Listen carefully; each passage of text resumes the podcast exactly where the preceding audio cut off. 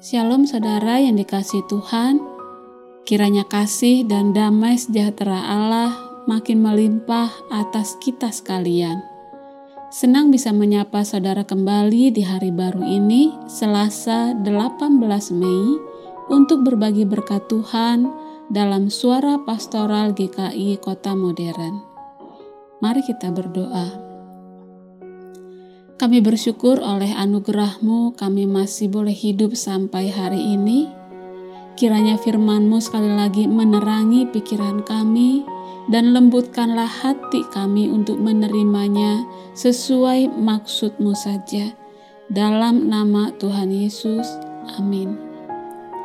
Firman Tuhan hari ini kisah para rasul 15 ayat 1 beberapa orang datang dari Yudea ke Antioquia dan mengajarkan kepada saudara-saudara di situ.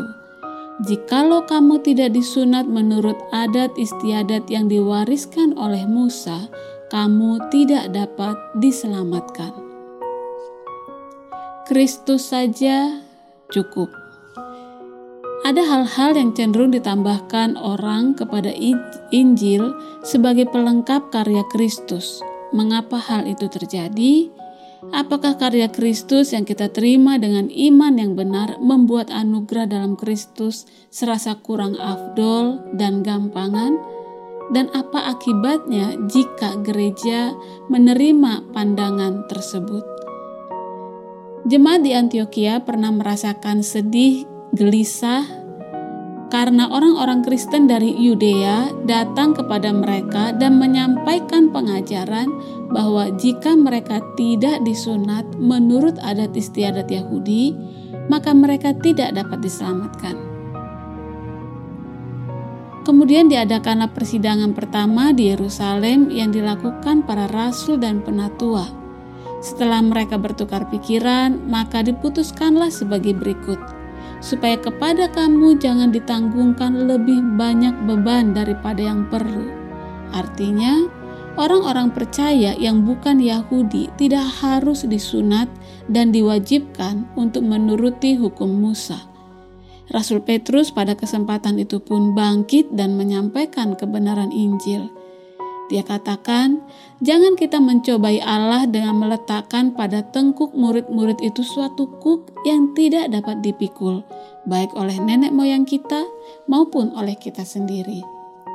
Sebaliknya, kita percaya bahwa oleh kasih karunia Tuhan Yesus Kristus, kita akan beroleh keselamatan.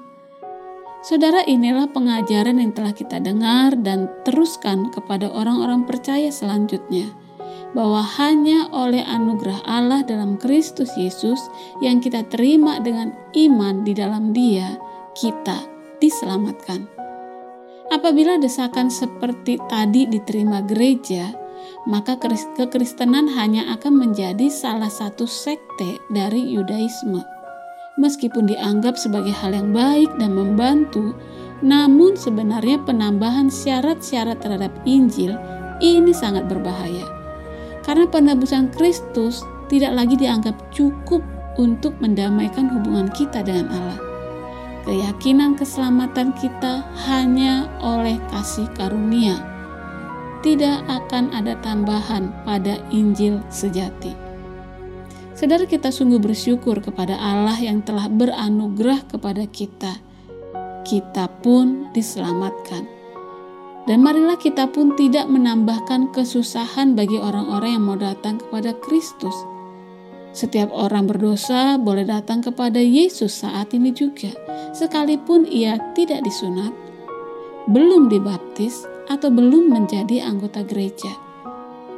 Melalui pertobatan dan iman, ia dapat langsung menerima dengan cuma-cuma hadiah yang bernilai kekal, yaitu pengampunan dosa, karunia Roh Kudus, dan sambutan hangat ke dalam keluarga Allah di seluruh dunia.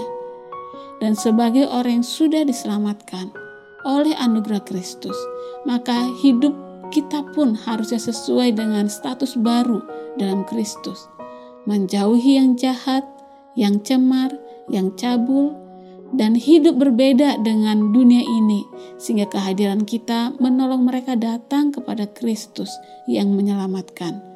Amin.